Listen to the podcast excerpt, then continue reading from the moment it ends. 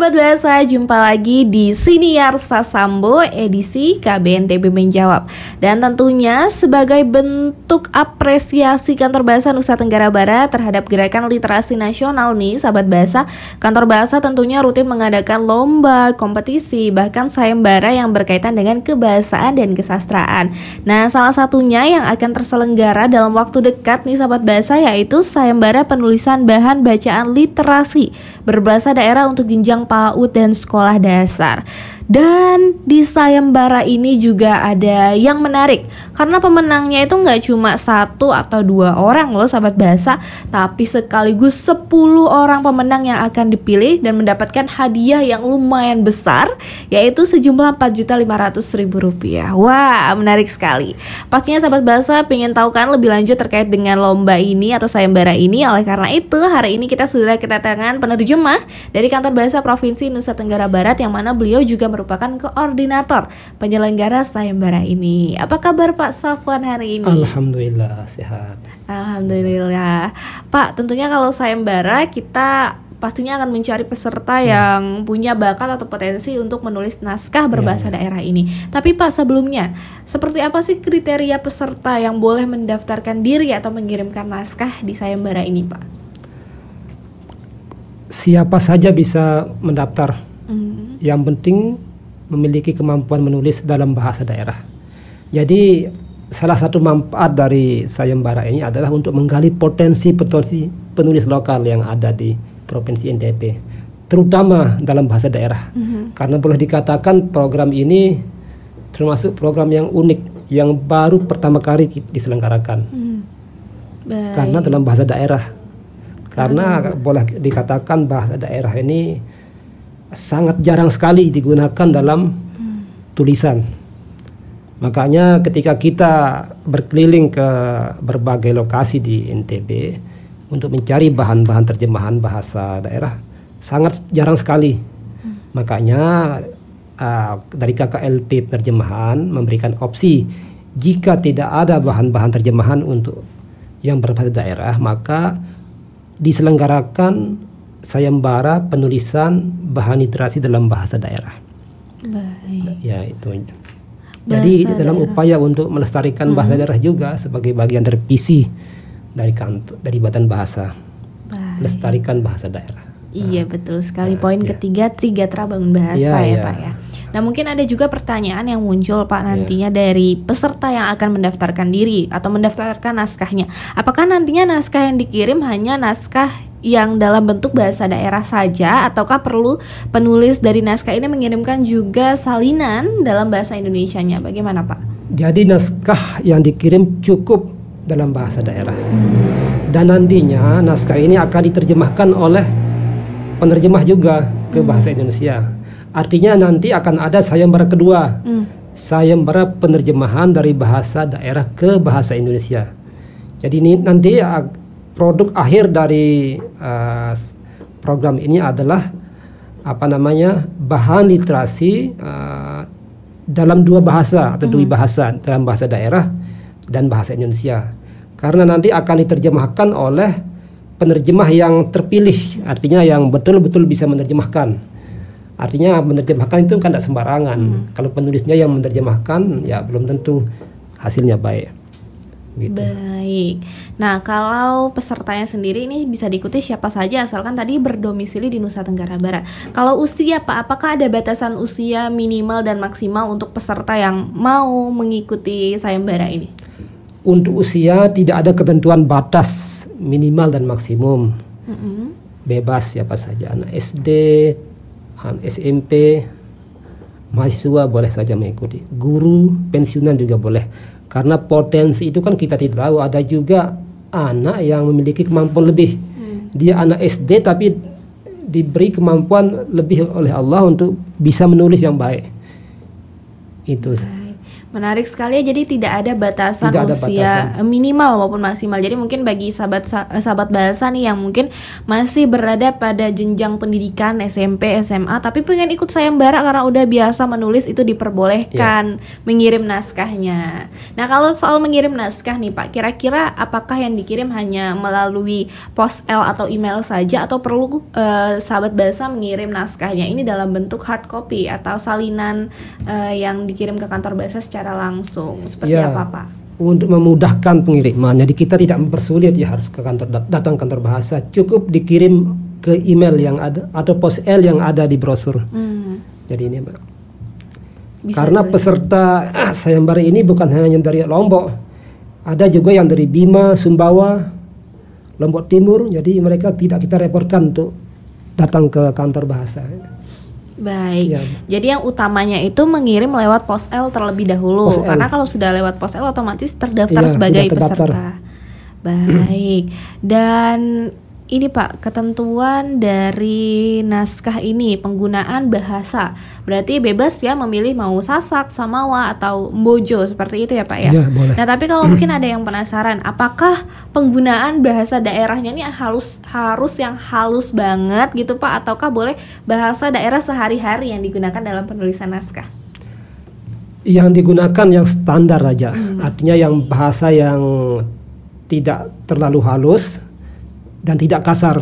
Artinya yang bahasa yang digunakan sehari-hari. Ya dimungkinkan ya lebih dekat ke halus saja lah gitu. Lebih karena ini apa namanya akan menjadi bahan bacaan bagi uh, siswa PAUD dan SD. Jadi anak-anak usia PAUD ini adalah uh, apa namanya disebut generasi emas. Jadi mereka itu sejak dini perlu diberikan bacaan-bacaan yang berkualitas dengan bahasa yang bagus. Karena begitu juga isinya. Isi dari apa namanya bacaan ini harus yang berkualitas yang memiliki nilai moral nilai pendidikan bahkan apa namanya diutamakan yang mengandung kearifan lokal dan STEM.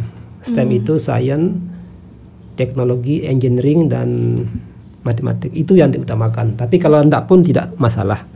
Itu diutamakan Baik. Jadi yang penting penggunaan bahasanya Ya. itu sopan mungkin ya Sopan, dan bagus. mudah Ya. dimengerti. Ya. Baik. Nah, kalau ketentuan naskahnya sendiri kan tadi sudah dibahas Ya. eh, mungkin berkaitan dengan STEM tadi yang Bapak STEM, bilang. ya. Nah, kalau misalnya ada yang mengirimkan naskah dan mungkin bertanya apakah naskahnya ini kan biasanya buku bacaan anak-anak pasti Ya. ada ilustrasinya ya Pak ya. Ilustrasi. Apakah harus disertakan dengan ilustrasi atau cukup dengan tulisan-tulisan saja Pak? Seperti apa ketentuan naskah secara lebih mendetailnya mungkin? Oh ya, idealnya untuk bahan literasi untuk anak itu harus bergambar. Bahkan ini uh, jumlah porsi gambar lebih besar dibanding tulisan. Tetapi untuk tidak memberatkan peserta, uh, ilustrasi akan ditanggung oleh panitia untuk biayanya. Sedangkan nanti untuk pembuatannya akan kita akan dibuat oleh ilustrasi khusus nanti. Ada ilustrator khusus Ada ya? ilustratornya nanti, jadi tidak perlu repot-repot. Tetapi kalau memang sudah membuat, tidak apa-apa. Nah, Artinya nanti kalau yang 10 pemenang ini jika sudah dinyatakan menang, maka kami kami akan meminta berkomunikasi dengan ilustrator seperti apa nanti ilustrasinya. Jadi akan ada kepaduan antara teks dengan ilustrasinya. Seperti itu. Baik. Jadi memang kalau sudah ada yang membuat justru bagus, nggak apa-apa. Jadi Bagus. ada punya gambaran nih Iya. seperti apa. Tapi kalau Iya. misalnya yang belum membuat pun tidak apa-apa, Tidak begitu ya apa-apa. Pak ya.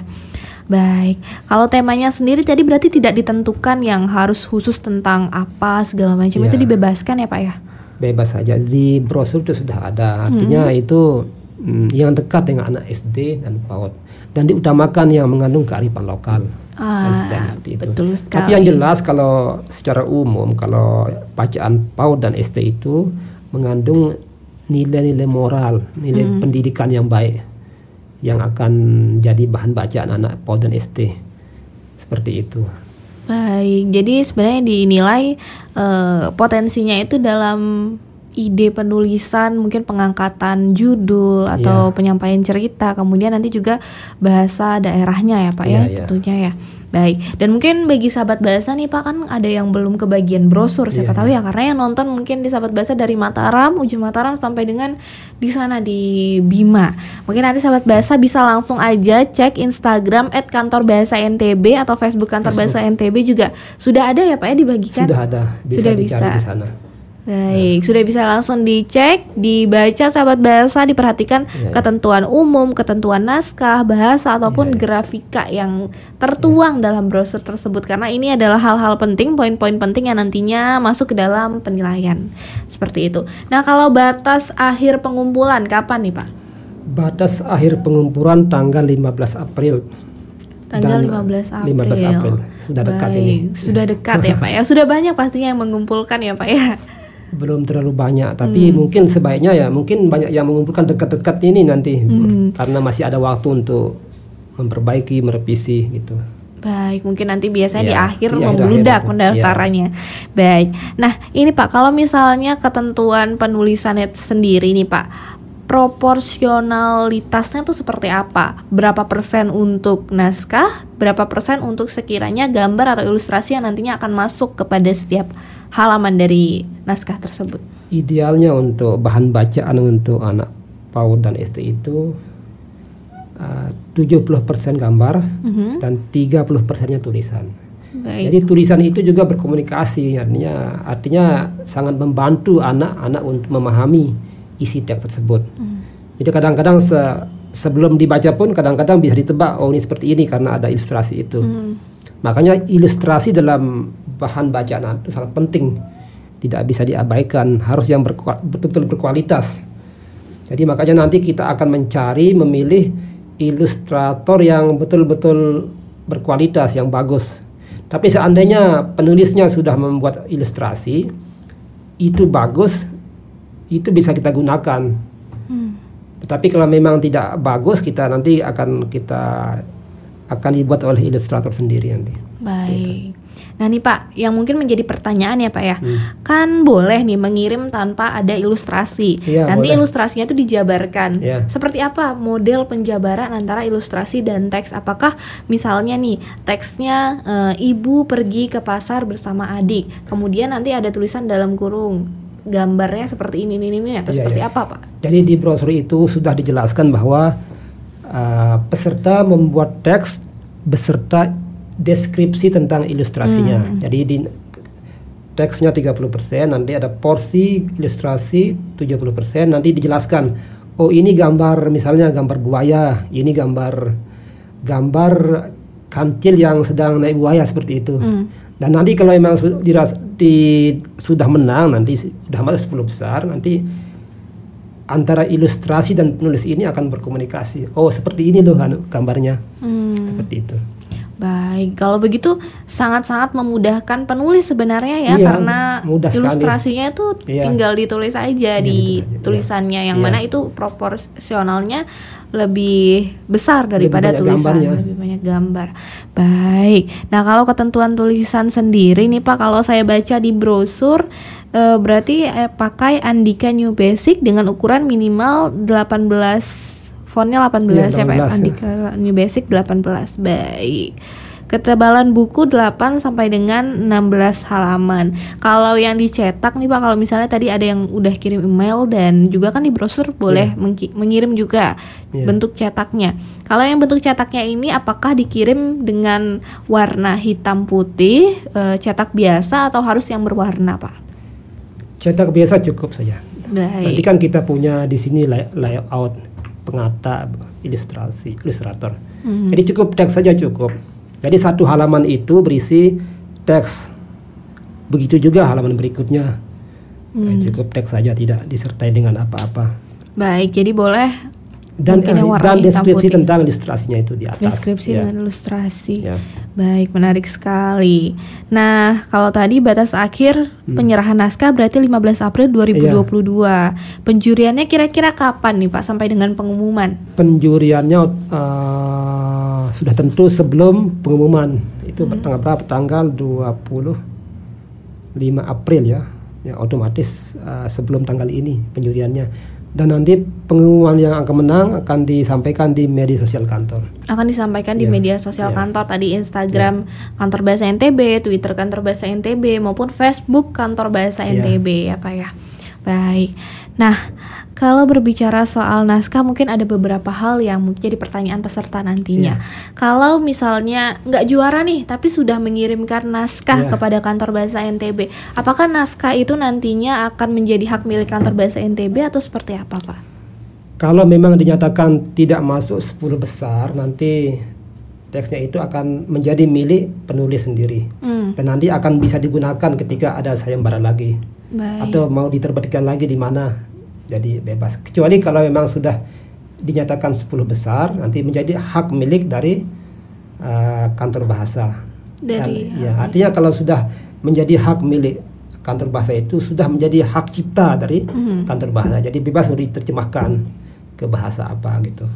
Baik. Bahasa Indonesia Nah, mungkin yang jadi pertanyaan juga nih Pak ya, kalau misalnya menulis naskah nanti itu kan ada mungkin ada ide cerita, penyampaian yeah. cerita dan juga ada penggunaan bahasa yang menjadi penilaian. Yeah. Kira-kira nih Pak, mana yang bobotnya paling besar dalam penilaian? Mungkin bisa dikasih bocoran. Siapa tahu nih ada penulis yang sudah menuangkan idenya dengan sangat bagus, tapi mungkin penggunaan bahasa daerahnya kadang pada beberapa bagian ada yang kurang tepat seperti itu. Mana apakah itu diperbolehkan atau seperti apa Pak?